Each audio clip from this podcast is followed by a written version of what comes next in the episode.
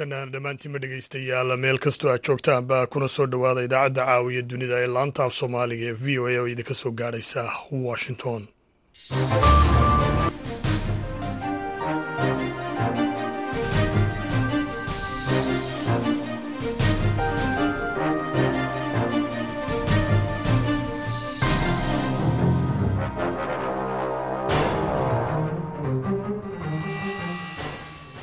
waa fiidnimo arbacada taarikhduna ay tahay lixda bisha sebtembar ee sanadka laba kun iyo saddex iyo labaatan. Waxaad naga dhagaysanaysaan mawjadaha gaagaaban ee lix iyo tobanka iyo sagaal iyo tobanka mitirban iyo weliba guud ahaanba dunidood nagala socotaan. Boggayaga v o a somali com. Haatan dhegeystayaal saacadda afrikada bari waxay tilmaamaysaa toddobadii fiidnimo idaacaddana waxaa halkan idinkala socodsiin doona aniga oo ah cabdixakiin maxamuud shirwac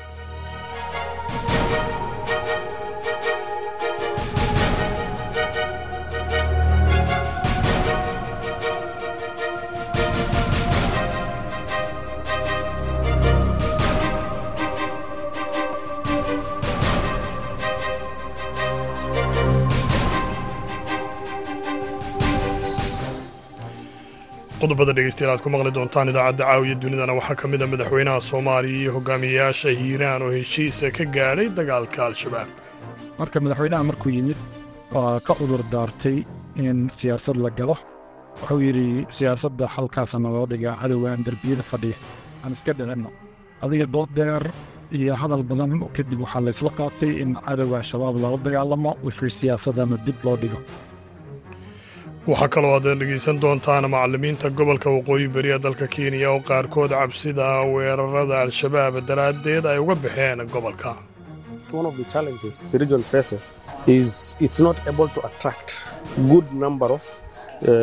Caqabadaha uu gobolka wajahayo ayaa ah inuusan awoodin inuu soo jiito tiro wanaagsan oo ka baxay dugsiga sare ee haysta darajooyinka saxda ah si ay ugu biiraan macallimiinta qodobadaas iyo weliba kuwo kaloo soomaalida iyo caalamkaba ku saabsan ayaad dhegaystayaal ku maqli doontaan intaan ku guda jirno idaacadda hase yeeshee marka hore ku soo dhowaada qodobadii wararka adduunka ugu waaweynaa.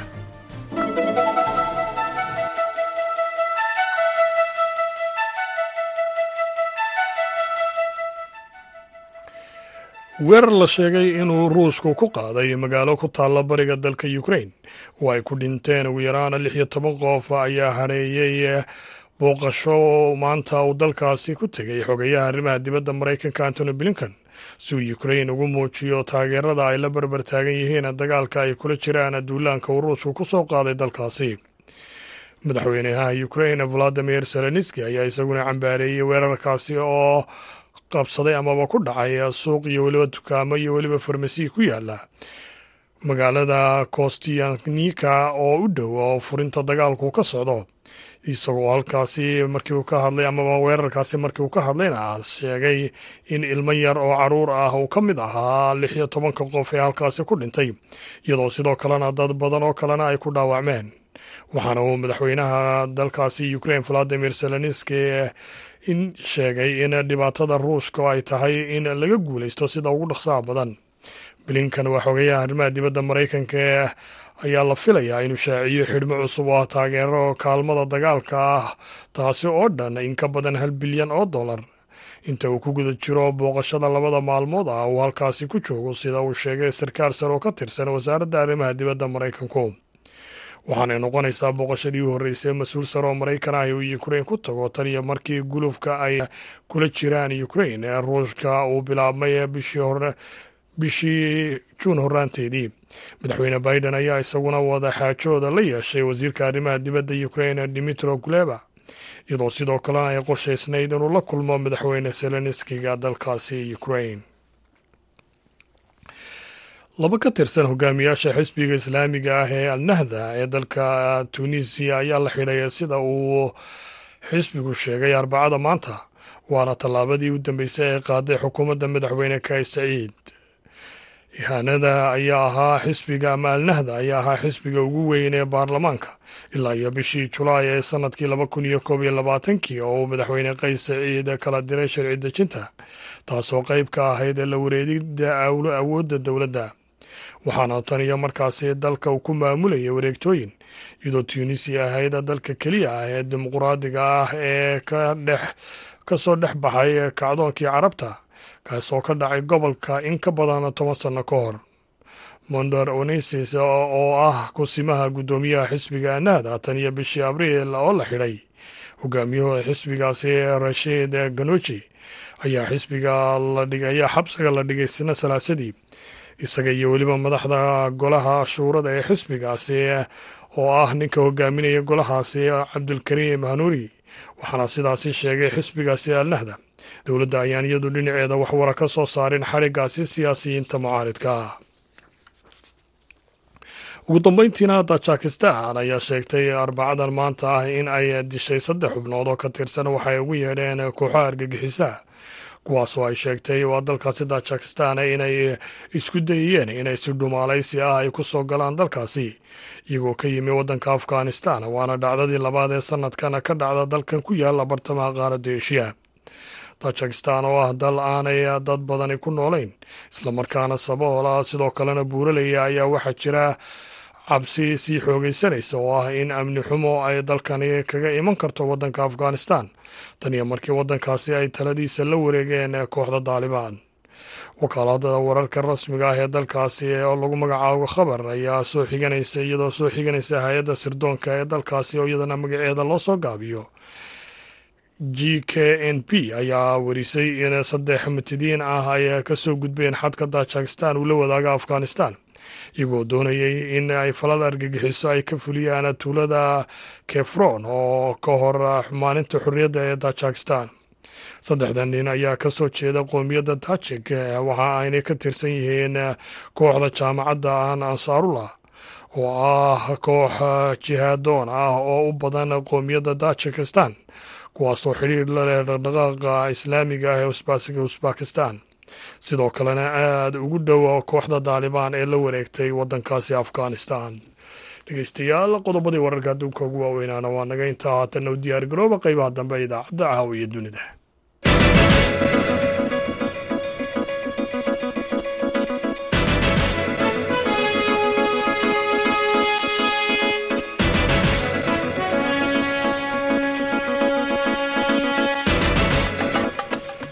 wagaag dhegeystayaal mar kale ayaan idin leeyahay dhammaantiinba fiidwacana wanaagsan meel kastoo aad joogtaanba.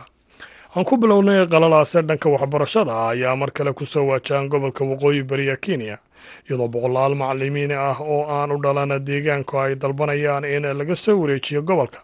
Kadib weeraro dhowr ah oo ay geysteen al-shabaab. Iskuullada ayaa dib loo furay bishii ogost siddeed iyo labaatankeedii laakiin ardayda intooda badan weli ma aanay bilaabin xiisadaha axmed xuseen ayaa warbixintan ka soo diray ismaamulka wajeer ee waddanka kenya. Waxaana inoo soo jeedinaysaa caasha ibraahim aadan. Maash maxamed waxa uu ka mid yahay dadka degan canton.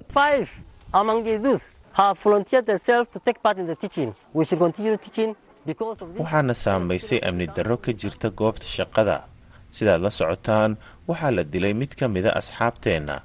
Kadib markii aan codsannay in nala beddelo kuwii mas'uulka ahaana waynaga diideen codsigeenna toddobaadkii la soo dhaafay boqolaal macalimiin ah ayaa ku xaraysnaa bannaanka xafiiska guddiga adeega macalimiinta amaba loo soo gaabiyo t s c ee magaalada nairobi kuwaasoo doonaya in laga bedelo gobolka.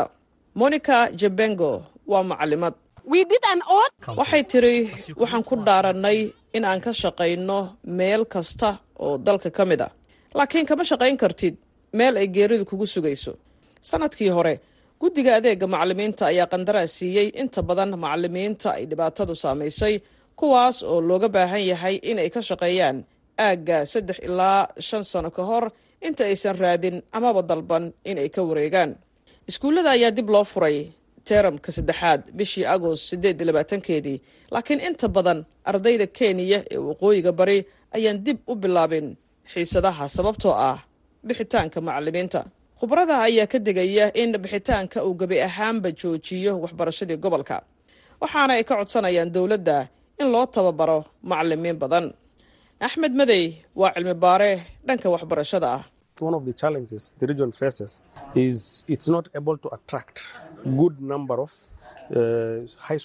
caqabadaha uu gobolka wajahayo ayaa ah inuusan awoodin inuu soo jiito tiro wanaagsan oo ka baxay dugsiga sare ee haysta darajooyinka saxda ah si ay ugu biiraan macallimiinta marka caqiidada guud ayaa ah in haddii darajada macallimiinta hoos loo dhigo waxaa laga yaabaa inay soo jiidato cadadka gobolka waxa uu leeyahay taariikh rabshado ah oo ay ku lug leeyihiin macallimiinta toddoba iyo toban macallin ayaa dhintay sannadkii laba kun afariyo tobankii kadib markii la weeraray bas ay la socdeen xilli ay ku sii jeedeen magaalada nairobi oo ay ku soo aadi lahaayeen fasaxa bisha disembar bishii janawari ee sannadkii laba kun iyo labaatan t s c waxay macalimiin ka soo wareejisay waqooyiga bari ee dalka kenya waxaanay u wareejisay meelo kale oo dalka ah. Sabab la xiriira amni darro kadib markii saddex ka mid ah ay dileen al-shabaab xilli habeena. Waalidiin badan oo ka soo jeeda gobolka waqooyi bari kenya ayaa rajo ka qaba in dhowaan xal waara loo helo si caruurtooda ay u helaan waxbarasho tayo leh sida ardayda kale ee dalka kenya aad iyo aad ayay dhegeystayaal mahadsantahay. Cashe ibraahim aadan oo inala socodsiinaysay warbixintan oo uu ismaamulka wajeer ka soo diray axmed xuseen. Madaxweynaha dowladda federaalka ee soomaaliya xasan sheekh maxamuud oo maalmahan ku sugnaa degmada maxaase gobolka hiiraan ayaa sida la sheegay heshiis ee ku aadan sii wadista dagaalka ay dowladda iyo weliba dadka deegaanku kula jiraan al-shabaab la gaadhay mas'uuliyiinta reer hiiraan oo uu la kulmay madaxweyne ayaana maanta maxaas uga sii gudbay degmada aadan yabaal ee gobolka shabeellada dhexe. Wariyaha v o a xuseen xasan dhaqane ayaa warbixintan inoo haya. Sida lagu daabacay barta facebook ee villa soomaaliya waxaa si is-afgarad leh ku dhammaaday kulamo maalmahan. Madaxweynaha soomaaliya xasan sheekh maxamuud uu degmada maxaas kula qaatay siyaasiyiinta waxgaradka iyo odayaasha dhaqanka gobolka hiiraan madaxweynaha ayaa bulshada gobolka hiiraan ku bogaadiyey doorkii wanaagsanaa oo ay ku lahaayeen dagaalka ka dhanka ah kooxda al-shabaab. Madaxweynaha ayaa tilmaamay in soomaaliya ay leedahay hal cadow oo caqabad ku ah jiritaanka iyo horumarka dalka sida uu hadalka u dhigay. Xildhibaan cabdirasaaq cabdulaahi macalin ciid oo ka mid ah xildhibaanadii kulamada la qaatay madaxweynaha ayaa v o a uga waramay qaar ka mid ah qodobadii laysku afgartay. Dhowr arrimood uu daarnaa shirkaas in siyaasadda la meel dhigo. Iyo in lala dagaalamo khawaariijta. Marka madaxweynaha markuu yimid waa ka cudur daartay in siyaasad la galo. Wuxuu yidhi siyaasadda xalkaasana loo dhigaa cadowgan derbiyada fadhiya. Aan iska dhicinno adiga dood deer iyo hadal badan kadib waxaa laysla qaatay in cadowga shabaab loola dagaalamo wixii siyaasadana dib loo dhigo. Oo mar kale laga wada hadlo. Marka kulamadii saddexdii maalmood socday waxay ku soo gabagaboobeen in tan amniga laga bilaabo tan siyaasaddana dib loo dhigo. Aad iyo aad. Amniga muhiima markii amni la helo ayaa siyaasadda laga wada hadli karaa. Haddase mar haddii cadowgu ku dul saaran yahay oo caawa berri muimaano leeyahay. Sidaa ogtahayna magaalada maxaas waa hadda meesha ugu shishayso oo shabaabka uu joogo. Ayadaa u furana laftigeeda. Marka haddaa hadigaas layska dulqaadayna de wax siyaasada laga hadli karo ma jirto. Daamaraa dib loogu dhigay intii madaxweynaha uu joogay degmada maxaas waxaa jirtay kulamo badan oo laysku afgaran waayey iyadoo madaxweynahana uu ku adkaystay in howlgalka laga hormariyo wax walba. Xildhibaan ciid ayaan weydiiyey arrimaha siyaasadda ay doonayeen in marka hore ay kala hadlaan madaxweynaha. Waxaa ka mid ahaa laba maamul oo isdiidan oo isdul saaran.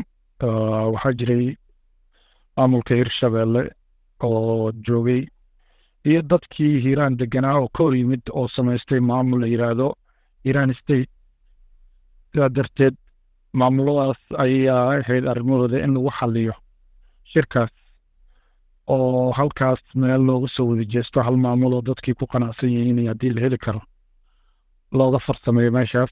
Marka ma dhicintii wuxuu yidhi madaxweynaha waa ka cudur daartay waqtii siyaasad laga hadla lama joogo.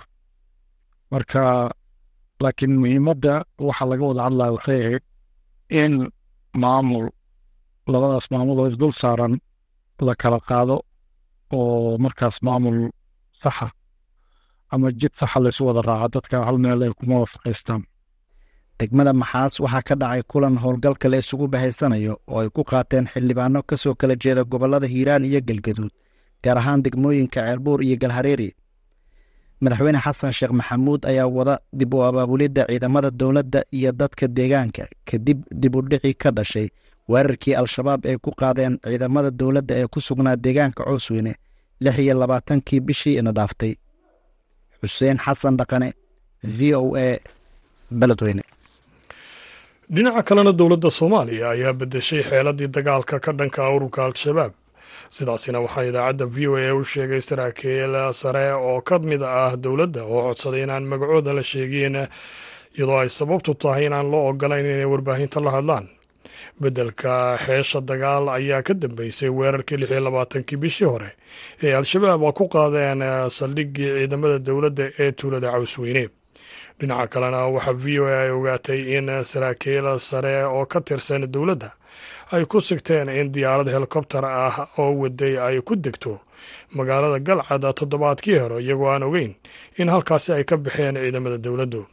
Warbixintan waxaa inoo haysa falastiin axmed iimaan dowladda soomaaliya ayaa bedeshay xeeladii dagaalka ee ka dhanka ah ururka al-shabaab. Sidaasi waxaa idaacadda v o eda u sheegay saraakiil sarsare oo ka tirsan dowladda oo codsaday inaan magacooda la sheegin sababtoo ah looma ogola inay warbaahinta la hadlaan. Beddelka xeesha dagaalka ayaa ka dambeeyey weerarkii lix iyo labaatankii bishii hore al-shabaab ay ku qaadeen saldhiggii ciidamada dowladda ee tuulada coosweyne dowladda soomaaliya ayaan weli ka hadlin khasaaraha ka dhashay weerarkii coosweyne hase yeeshee saraakiisha amniga ee la hadlay v o eda waxay aaminsan yihiin in lagu dilay tobanaan laguna dhaawacay in ka badan boqol iyo lixdan halka qaarna weli la la-yahay. Xeesha cusub ee hadda dowladda ay qaadata ayaa ah mid howlgallada ay hogaaminayaan dadka iyo ciidamada deegaanka halka ciidamada dowladda federaalkuna ay kaalmayn doonaan sida ay sheegeen saraakiishu.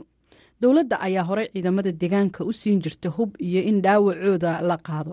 Qorshaha cusub ayaa taas ku kordhinaya in gunno ay qoysaskooda ku biishaan la siiyo ciidamada deegaanka. Inta howlgallada ay ku jiraan. Hay'adda sirdoonka iyo amniga qaranka ee niisa ayaa loo xil saaray.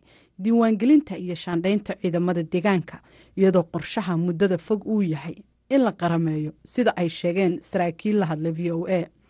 Taliyihii hore ee hay'adda nisa sarreeyo guuta cabdiraxmaan tuuryare oo ka mida saraakiisha dowladda ka caawinaya abaabulka dadka deegaanka ayaa v o eda u xaqiijiyey isbeddelka xeeshan.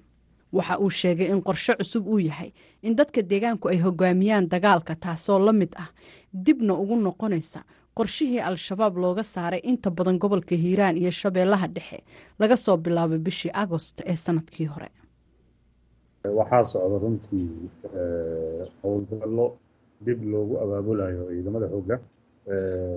Sidoo kalena bulshadii soomaaliyeed oo deegaanadoodu ay cadowgu haysteen iyagana lagu abaabulayo.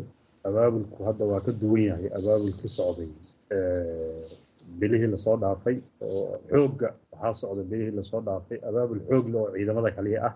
Abaabulkii bulshada waa istaagsanaa waxyaabihii dhacay marka oo farsamo ahaan u khaldamay iyo ciidankii oo meelaha qaar ka soo baxay iyo dib marka loo akhriyey oo dib loo maaragtaa iyo falaqeeyey sidii wax u dhaceen ayaa waxaa soo baxday in ciidamada xooggana dib loo abaabulo. Qaarkoodna la nasiyo oo qaarkii maxaanku idhaahdaa sanad iyo bar ku jira aagana ay nastaan. Kuwo cusub oo caaboono hadda tababara ka soo baxana jiidda hore la geeyo bulshadii deegaanadaas deganeed galmudug iyo shabeellada dhexena meelaha ay uga harsan yihiin ayagana la abaabulo macuusleydii dib loo abaabulo. Dagaalkuna uu noqdo dagaal ay bulshadu hogaaminayso ciidamaduna kabayaan sidoo kale waxaa muhiimadda iyo waaye aragnimada dadka deegaanku ay u leeyihiin dagaalada ka dhanka al-shabaab ka hadlay. Wasiirka batroolka cabdirasaaq cumar oo ku sugan maxaas wallahi abaabulka waxaa naga dhinnaa yacni in dadkii la keenay in macawisleydii la isku dib loo loo waxeeyo in yacni meeshan hiiraan xoreynteedii waxaa jira dad badan oo wax badan baa laga bartay. Dad badan oo khibrad badan leh baa jiro. Khibraddii dadkii lahaana in la helo saraakiishii lahayd in la helo maxuusleyda iyo saraakiisha xooga dalka soomaaliyeed wada shaqayn iyo coordination inay ka dhexayso inaysan noqonin sida meelaha qaarkood ka dhacdo kaleeto laakiin uu noqdo dagaal yani la og yahay jane of commandkiisa meeshuu ka bilowda iyo meeshuu ku dhammaado dagaal ay shacabka iyo ay ka qayb qaataan. Weerarkii coosweyne ayaa ku qasbay ciidamada dowladda inay dib uga soo gurtaan deegaano ka mid ah jiidda hore ee dagaalka. Ilaa haatanna waxay ciidamadu dib uga gurteen ceeldheer mise gawaay budbud ceel buur iyo galcad dibugurashada laga sameeyey galcad ayaa ahayd mid lagu sigtay inay halis geliso amniga saraakiil sare oo ka tirsan kuwa dowladda. Galabnimadii sideed iyo labaatanka agost madaxweyne xasan sheikh oo fadhi ku-meel gaar ah ka samaysta dhuusamareeb waxa uu isku diyaariyey inuu booqdo galcad si uu ula hadlo ciidamada kadib walaacii ka dhasha weerarkii cosweyne laba ka mida saraakiisha sarsare ee dowladda oo kale ah agaasimaha nisa mahad salaad iyo guddoomiyaha maxkamadda milatariga gaashaanlo sare xasan cali nuur shuute ayaa ku qanciyey madaxweynaha inuu safarkaasi ka baaqdo maadaama xaaladdu ay isbedelaysay. Halisna ay uga iman kartay madaxweynaha. Sidaas waxaa v o eda u sheegay saraakiil kala duwan oo dowladda ka tirsan. Saraakiishu waxay intaasi ku dareen in labada sarkaal ay soo jeediyeen inay iyagu u safraan galcad. Soo jeedintaasi oo madaxweynuhuna uu ka aqbalay labada sarkaal laba suxufi oo ka tirsan warbaahinta dowladda iyo ciidamo ilaalo u ah ayaa diyaarad helikobter ah oo ay leedahay qaramada midoobey ka soo raacay magaalada dhuusamareeb qiyaas ahaan labadii iyo labaatan galabnimo maalintaasi. Hase yeeshee islamarkii ay diyaaraddu soo kaxday waxaa saraakiisha soomaalidu ay ogaadeen in ciidamada dowladda ay ka baxeen magaalada galcad. Saraakiil kala duwan oo ay ka mid yihiin shaqaale ka tirsan madaxtooyada ayaa tilfoonno ku wacay saraakiisha iyo rakaabkii kale ee saarnaa diyaaradda. Sidoo kalena u diray fariimo qoraal ah si ay ugu wargeliyaan ka bixitaanka magaalada galcad ee ciidanka. Hadegin ayay odhanaysay mid ka mida fariimaha qoraalka soo noqda magaalada waa laga baxay ayaa sidoo kale ku qornayd fariintaasi. Hase yeeshee saraakiishu waxay fariimahaasii heleen oo keliya markii ay diyaaraddu gaartay hawada galcad islamarkaana ay dhulka u soo dhowaatay. Anteenada taleefonkuna ay soo laabatay. Markiiba waxaa loo gudbiyey fariinta duuliyayaasha kuwaasi oo kor u qaaday diyaaradda jooggii ay ku duulaysay kadibna u soo safray muqdisho oo ay si nabad ah ku soo gaareen gelinkii dambe ee maalintaasi al-shabaab waxay sheegteen fiidnimadii maalintaasi lixdii iyo konton iyo shan daqiiqo inay dib u qabsadeen galcad taasoo ku beegneyd qiyaas ahaan ku dhowaad saddex saacadood iyo bar kadib markii diyaaraddu ay ka baxday hawada galcad. Madaxweynaha soomaaliya ayaa shalay sheegay inay dowladdu xirtay saraakiil furimaha hore ka soo baxay. Inkastoo madaxweynuhu uusan sheegin tirada saraakiisha la xiray haddana wuxuu intaasi ku daray in sharciga lala tiigsan doono saraakiishaasi aada iyo aad ayay dhegeystayaal u mahadsan tahay. Falastiin axmed iimaan oo warbixintaasi nala socodsiinaysay halka weli aad nagala socotaana waa idaacadda caawiya dunida.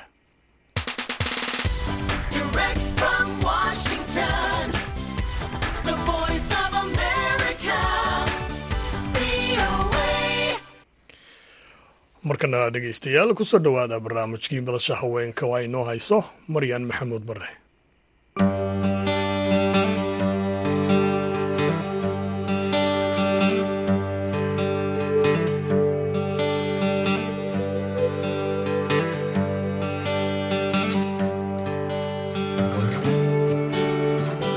ku soo dhowaada dhegaystayaal. Barnaamijka madasha haweenka oo ah barnaamij laba toddobaadle ah oo aan kaga hadalno taariikhda waxqabadka iyo waayaha gabdhaha soomaalida. Barnaamijka toddobaadkan waxa uu ku saabsan yahay doorka haweenka iyo koritaanka afka hooyo. Hooyada ayaa ah tiirka koowaad ee barbaarinta carruurta haddii ay tahay dhinaca kobaca jir ahaaneed af xanaanada garaadka iyo niyad ahaanba. Saamiya salaan nuur waxa ay muddo shan sano ah ahayd maclimad dhigta afka soomaaliga. Dadka wax ka bartana waxaa ka mid ah carruurta soomaalida ah iyo dad ajaanib ah intaba. Haddaba maxaa aas-aas ah in afka soomaaliga sida saxda ah loo barto? Su'aalahaas iyo kuwo kale ayaa wariyaha v o e da maryam maxamuud barre waxay kala sheekaysatay saamiya. Waraysigiina waxa uu u dhacay sidan. Saamiya nuur marka hore waxaad warbixin kooban naga siisaa ood noo faahfaahisaa taariikh nololeedkaaga sida waxbarashadaadii oo kale. Waa mahadsan tahay aniga waxaa ku dhashay oo ku soo koray gaalkacyo gaalkacyaa ilaa dugsi dhex ku soo dhigtay kadibna dugsi sare ilaa jaamacad oo inta bilaaba dhex wax hare xamara ku soo dhigtay kadibna halkaana imaaday. Goormay ahayd goorma xilligee kenya imaad? Kenya waxaa imaaday waa tahay. Marka markii aad imaatay maxaad ku ku dhaqaaqday oo ugu horreeyo wixii aad qabatay ahayd? Ma waxbarasho mise shaqo markii horeeto arrimo familile unbaa u imaaday. Kadibna waxbaan iska baran jiray luuqadda iyo waxyaabahaas laakiin waxbarasho weyn oo kaleta maan gelin samiya waxaad qortaa buugaag. Marka bugaagtaas aada qorto dadka akhristo oo kale falcelinta kaaga imaata maxaad nooga sheegi kartaa?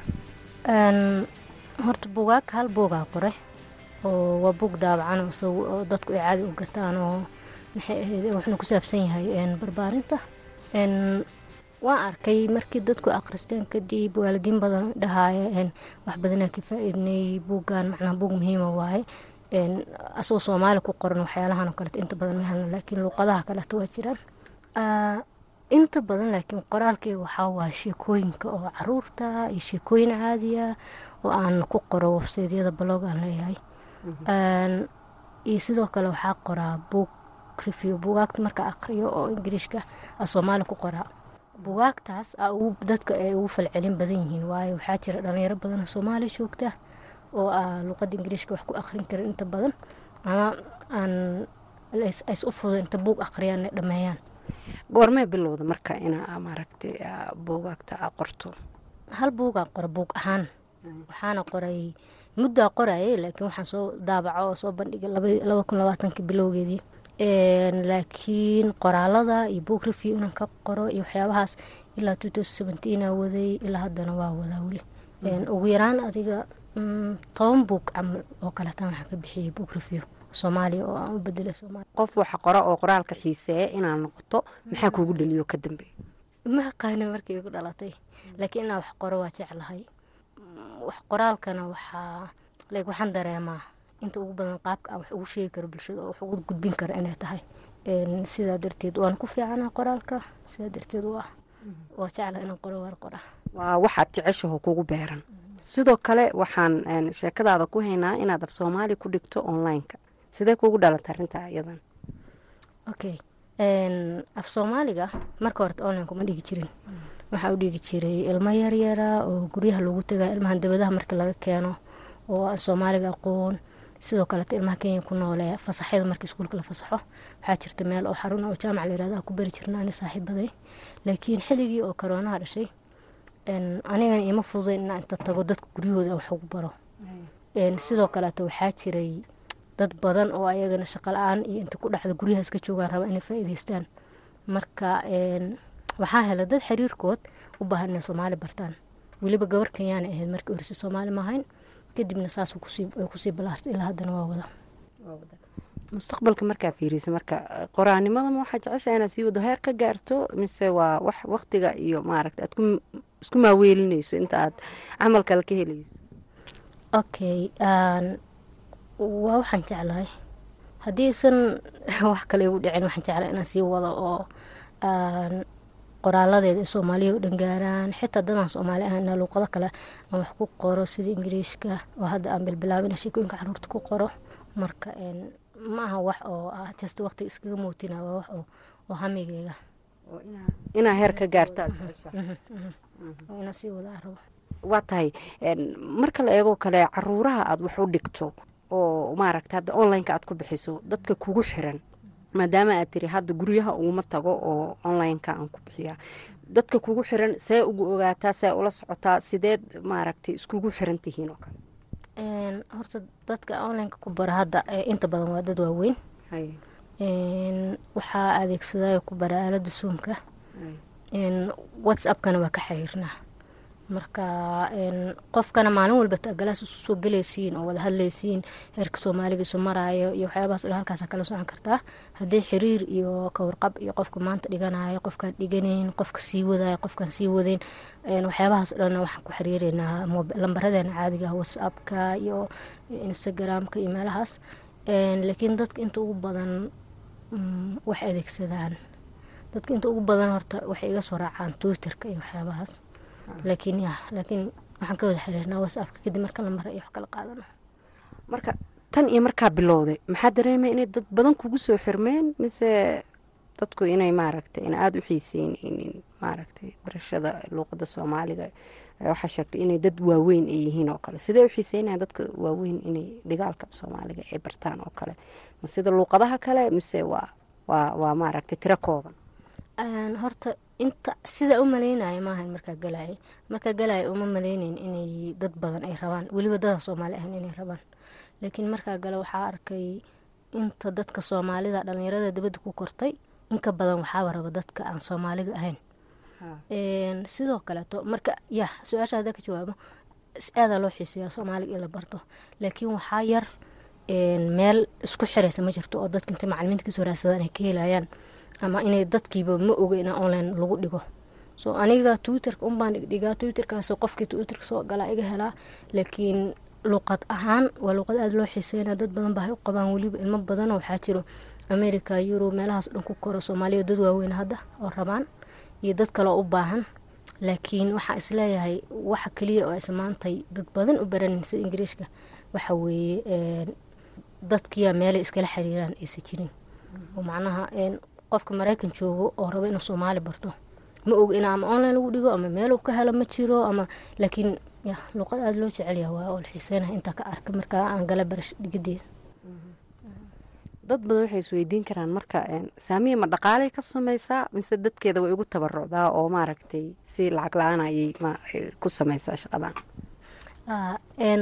Horta maantay wax lacag la'aana ma jirto. Cilmi lacag la'aan lagu bartana ma jiro meel walbaba haddii luuqad noqoto haddii wax kale noqoto. Ana maanta haddaan raba ina sawaaxili barto ama ingiriis lacagaa laga qaadaya luuqadeenana waa saas kaleto luuqadaha kale la mid taha maaha wax oo laysku baryaayo oo u baahan inaa layirahdo qofka oo ku dhigaya lacag la'aan ku qaado. Midda kaleeto ani waxaa ahay qof dhalinyara wax baridana waa shaqadeeda ugu weyn. Marka anigana waa shaqadeeda oo dhaqaalo waa ka sameeyaa. Ayagana iga faa-iidana way bartaan waa tahay. Marka laga soo tago online-ka magaaladan ha joogtoo kale.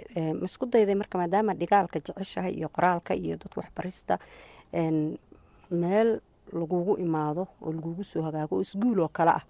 Sida aan ognahay isguul wax lagu barto siiba hadda luuqada soomaaliga ah maba ka jiraba wadankan hadda isliyoo kale joogtaa xafad soomaalida ku badanta weliba isku taxalujisa inaad iskuul nidaamsan oo maaragtay luuqadaas lagu barto oo shati iyo sharciyi wax haysta inaad raadiso hadda gaaj ku jawaabo maya aa ku bilaabaya sababtoo ahna halkaan aniga sharciyo iyo wax kuma liyi oo taas iyo maaha inaa iskuul iyo wax furto. Sidoo kaleeto wadankan sistamkiisa in luuqado kaleeto lagu dhigo sistamkooda lagu daray waxyaabahaas ayagana ma fududa anigana sidoo kaleeto ima sii aha sal oo kenya aan joogi doono aan weligiisii joogi doono aan hubin maalinta ka tegi qof socotaa ah xitaa hadda tobankaa saneeto shan sanana waxaan joogay afar sana waxaan joogay uganda inta kalena kenya. Marka mana wadan ahaana ma fududa anigana ima fududa marka suuragal hadda ima ah.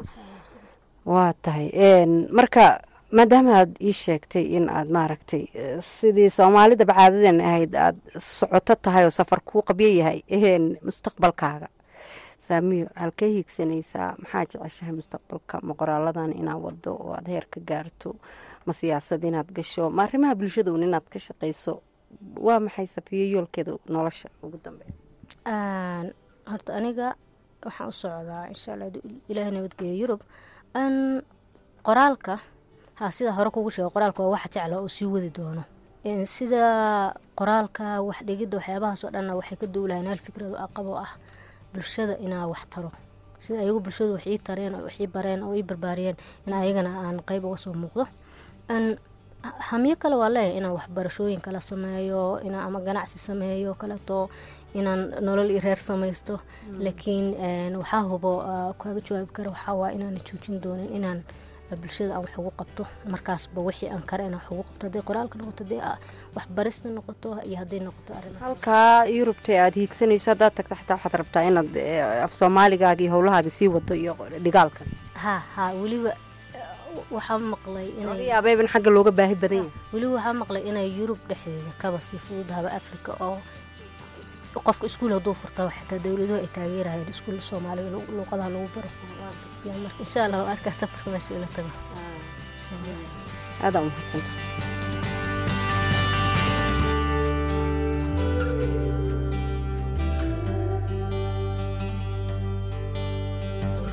barnaamijkii madasha haweenkana waa naga intaas toddobaadkan. Waxaan u mahadcelinaynaa saamiye salaan nuur oo ah macalimad dhigta afka soomaaliga waxayna u warramaysa wariyaha v o eda maryam maxamuud barre maryan qalanjo. Intaynu ku kulmi doonno barnaamijkan kan xiga waa sahre cabdi axmed oo idinle sidaasi iyo nabadgelyo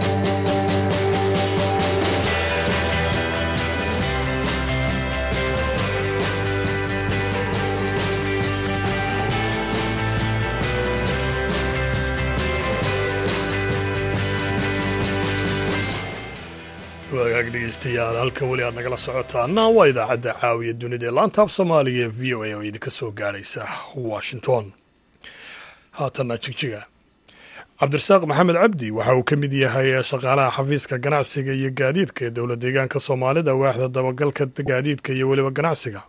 Shaqadaasi kasta koo dhowaan ayuu cabdirasaaq si aan ku talagal ahayn u helay. Shaqo labaad oo ah biyo dhaamin taasi oo dakhligii soo gelisa qoyskiisa islamarkaana wax ka bedeshay wariyahayaga jigjiga maxamed cabdiraxmaan gaata ayaa la kulmay islamarkaana waraysigana la yeeshay.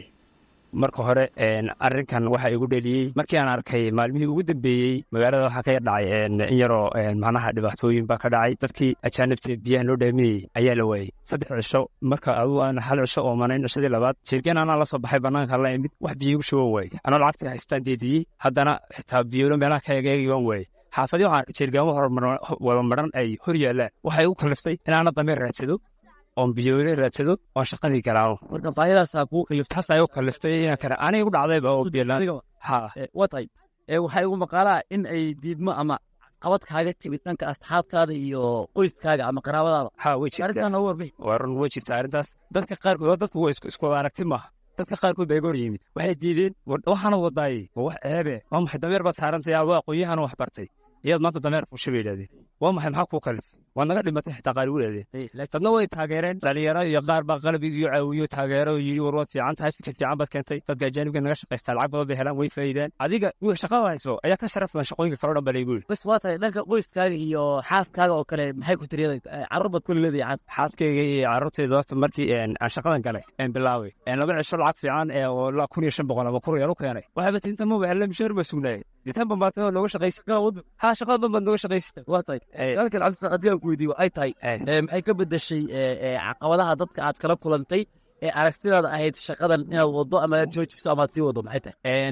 Dadka caqabadahan kala kulmay waxaa ka mid a in aflagaadi xataa kaasu gaadhi wax walba oo lagu dhihi. Marka waddada socota xataa qaar baa ku caayay markan miyo u dhintay sharaftu iska dilay baa lagu dhihi. Marka wax moralkaaga ay ka bedeshay inaad shaqadan joojisa ma jirtaa maan shaqadii uma joojin horta. Inaad wada inaan wada rabaa waxaan ku dhiirageli weliba dhalinyarada. Hala gala shaqadan waa fursad banaan cabsaq marka laga yimaado aragtida ay bulshada ka qabaan shaqadan iyo fikirada ay ka aaminsan yihiin ma jirtaa faa'iido ama dhaqaale? Laga heli karo shaqadan.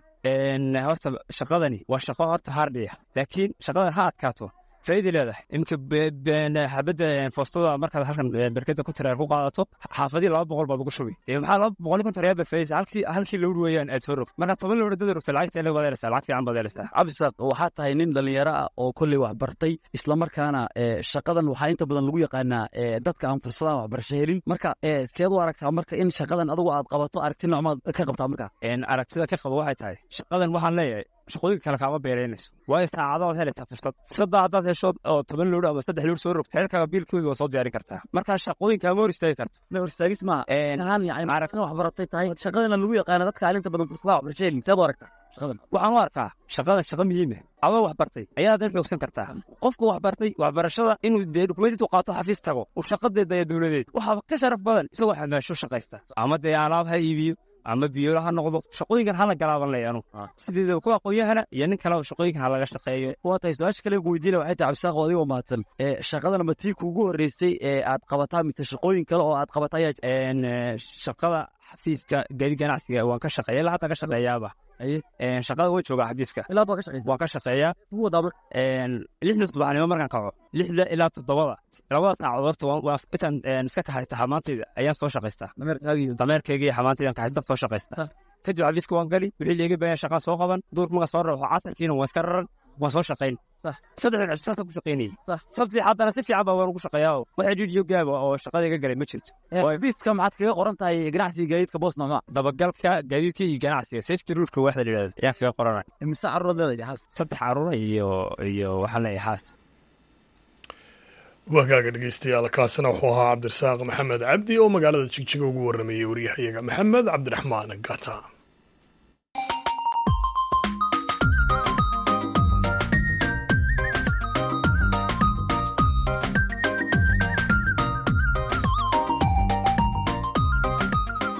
bandhiga v o a. Barnaamijka bandhiga v o a waa barnaamij idinku tala gashay laanta af soomaaliga ee v o a. Bandhigga v o a waxaad khamiis walba kaga bogan kartaa qormooyin kala duwan oo la xidhiidha taariikhda iyo aqoonta guud dhaqaalaha sharciga iyo samafalka.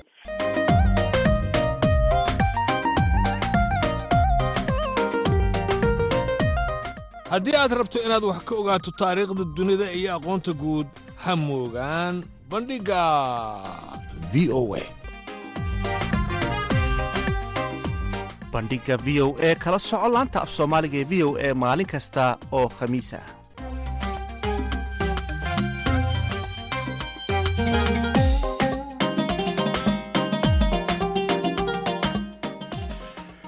haatana dhegaystayaal ku soo dhowaada xubintii dooda gaaban oo inoo hayo xasan kaafi qoyste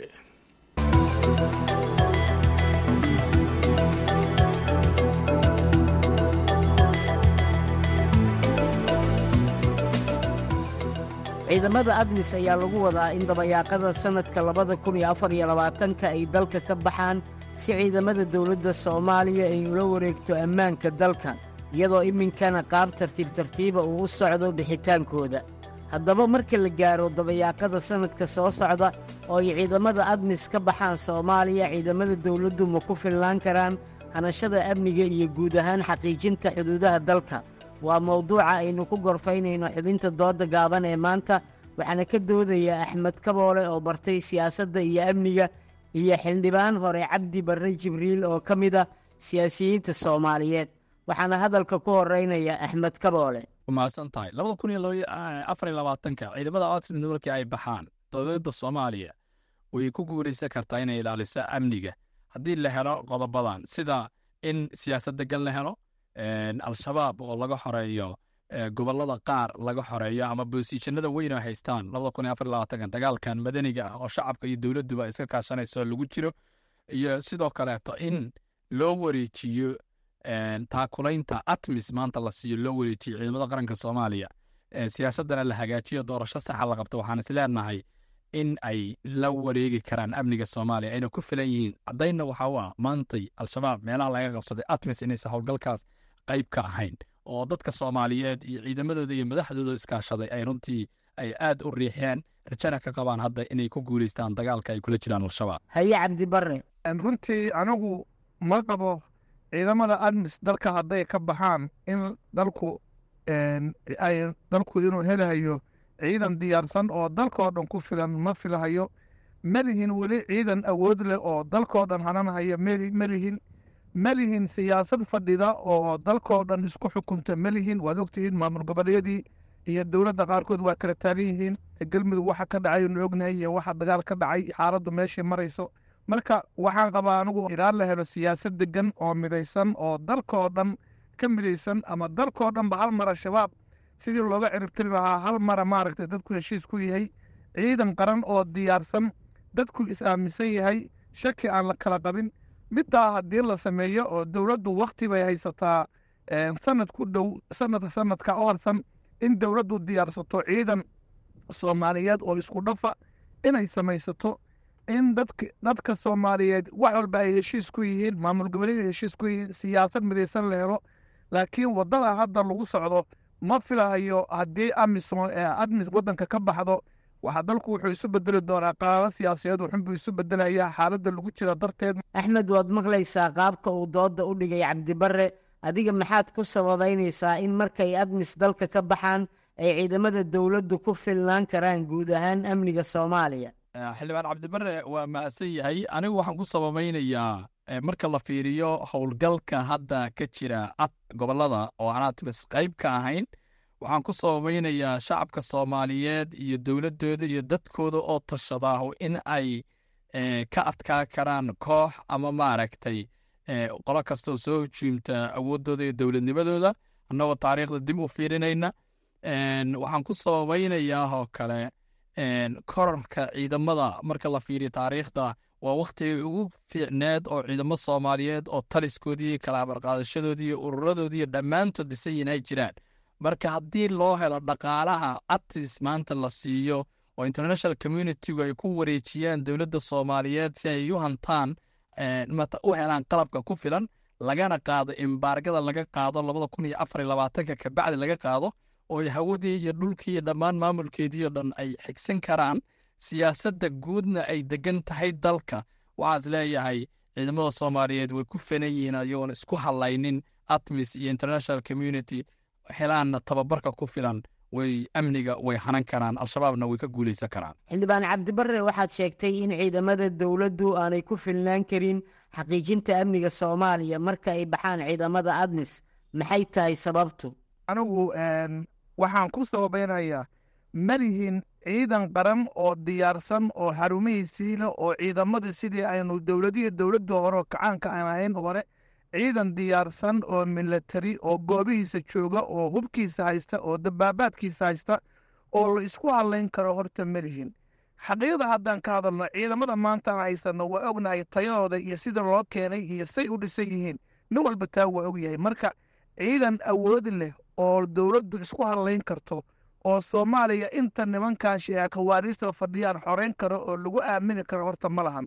Qodobka labaad oo aan ku sababeynaya waxaa weeye wixii hadda ka dhacay bilooyinkii u dambeeyey ilaa bishii shanaad bishii afraad ilaa hadda wixii ka dhacay gobollada dhexe wixii ka dhacay iyo dhibaato ka dhacday oo dhulkii la qabtay waxaa ka dambeeyey waan ognaha xaaladda dhacday iyo tii u dambeysay oo cays weyn ay ku jirto wixii ka dhacay waynu ognahay waxaasoo dhanoo inoo muuqda malihin ciidan kartidaas leh oo dalkan hanan kara oo awoodeed leh malihin horta kow dadku taa waa inay ogaadaan. Maxaa yeelay waxaan ku qusqadaynaa waxaa halkan ka dhacay waxa shabeello shabeellada maxaa jubbada hoose jubbaland wixii ka dhacay waa ognahay. Marka ilaa aynu helno ciidan diyaarsan oo la isku hadlayn karo xaaladda admis oo ay baxdo xaaladda soomaaliya way adkaanaysaa. Waxaynu joognaa gabagabadii doodda xalku muxuu yahay aan ku horeeyo axmed. Xalka aan isleenahay waa looga guulaysan karaa wakti ma haysanno aan dib u dhacno wakti ma haysanno siyaasad kale looga shaqeeyo waktiga keliya oo dadka soomaaliyeed jaaniska maanta ay haystaan waa in al-shabaab laga adkaadaa. Waa inay amniga soomaaliya dowladda soomaaliyeed ciidankeedu isku filan ay la wareegaan.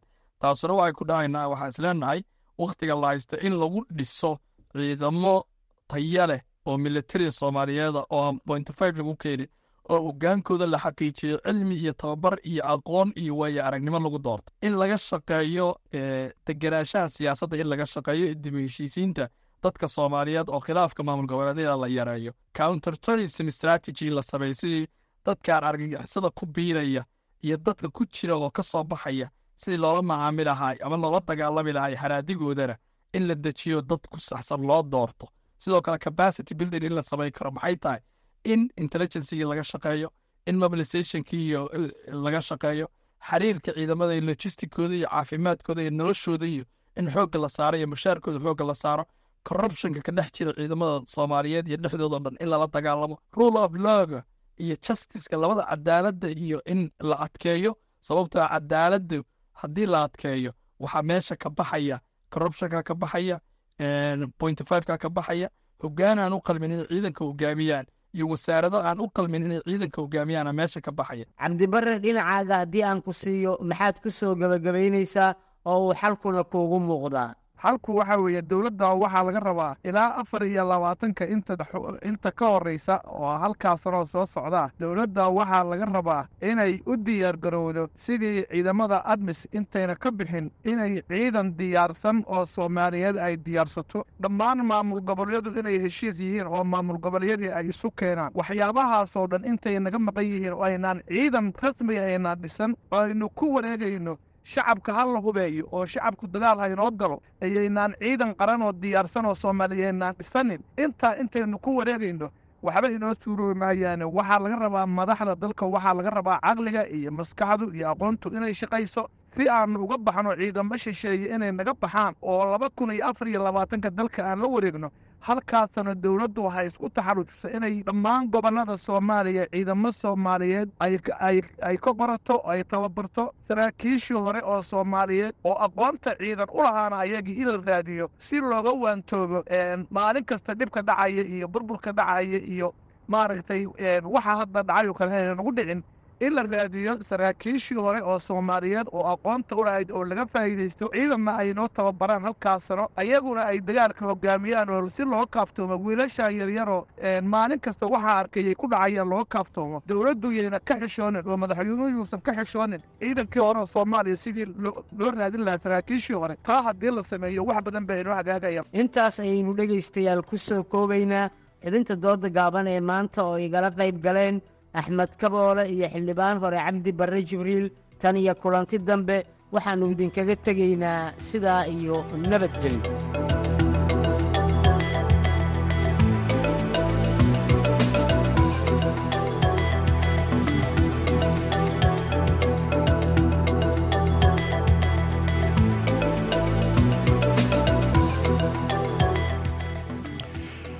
wagaag dhegeystayaal halka aad nagala socotaana weli waa idaacadda caawiya dunida. Ugu dambeyntii ama gabagabadii idaacadayna maraynay haatanna qodob iyo laba ka mida wararkii adduunka ugu waaweynaa weerar la sheegay inuu uu ku qaaday magaalo ku taalla bariga dalka ukrain oo ay ku dhinteen ugu yaraana lix iyo toban qof ayaa hadheeyay booqasho uu maanta dalkaasi ku tegay xogayaha arrimaha dibadda maraykanka antony blinken. Si uu waddankaasi ukrain ugu muujiyo taageerada ay la barbar taagan yihiin dagaalka ay kula jiraan duulaanka uu ruushku ku soo qaaday waddankaasi. Madaxweynaha ukrain valadimir zelenski ayaa cambaareeyey weerarkaasi oo qabsaday amaba ku dhacay suuq dukaamo iyo weliba farmasiya ku yaalla magaalada kostiyanika oo u dhow furinta dagaalku ka socdo. Isagoo intaasina sii raaciyey in ilmo yaroo carruur ah uu ka mid ahaa lix iyo tobanka qof ee halkaasi ku dhintay iyadoo sidoo kalena dad aad u badan ay ku dhaawacmeen amaba uu dhaawac ka soo gaadhay waxaana uu sheegay madaxweyne zelenski in dalkaasi in dhibaatada uu ruushku ka wado ay tahay in laga guulaysto sida ugu dhaqsaha badan bilinkan ayaa la filayaa inuu shaaciyo xidhmo cusub oo ah taageerada kaalmada dagaalka taasi oo dhan hal bilyan oo dollar. Inta uu ku guda jiro booqashada labada maalmood ah ee halkaasi ku joogo sida uu sheegay sarkaal ka tirsan wasaaradda arrimaha dibadda ee maraykanka armeniya ayaa sheegtay maanta arbaco ah in toddobaadka dambe ay martigelin doonto dhoolatus military oo wada jira. Oo ay la samayn doonto maraykanka iyadoo ay ruushkuna sheegtay ama ruushkuna uu sheegay in warkani uu yahay mid walaac leh. Wasaaradda difaaca ee armeniya ayaa sheegtay in ujeeddada tobabarkan ama carbiskan wadajirka ah ee la qabanayo koob iyo tobanka ilaa iyo labaatanka bishan sebtembar uu yahay in loo diyaariyo ciidamadeeda ka qaybgalka howlaha nabad ilaalinta caalamiga afhayeen u hadlay militariga maraykanka ayaa sheegay in shan iyo siddeetan askari oo maraykan ah iyo weliba boqol iyo shan iyo toddobaatan askari oo u dhashay armeniya ay tobabarkaasi ama carbiskaasi ka qaybgeli doonaan. Waxaana uu sheegay in ciidamadaasi carbiska ka qaybgelaya aanay ku hubaysnaan doonin hubka culculus inkastoo carbiskani uu yahay mid fudud haddana afhayeenka kremlinka waa ruushka ee u hadlay oo lagu magacaabo dimitri baskof ayaa sheegay in warkani uu yahay mid walaac leh aynay si dhow ula socon doonaan. Ruushka ayaa saldhig militari kule dalkaasi armeniya waxaanay ruushku isku arkaa inay tahay awoodda gobolka koonfurta caukaska gobolkaasi oo ilaa iyo koob iyo sagaashankii ka tirsanaa midowda sofiyeeti dhegeystayaal qodobadii wararka adduunka ugu waaweynaana waa naga inta haatanna aynu jalleecno dhinacii kaalmaha heesaha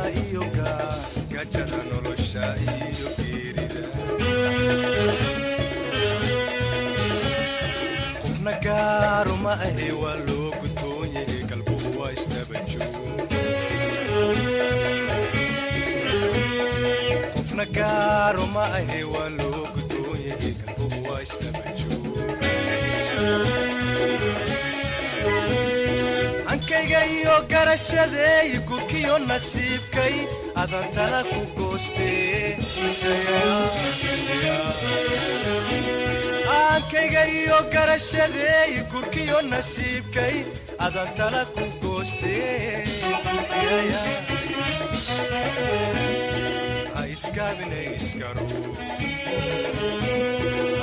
goosteeaabinaskaru gartaye gartaye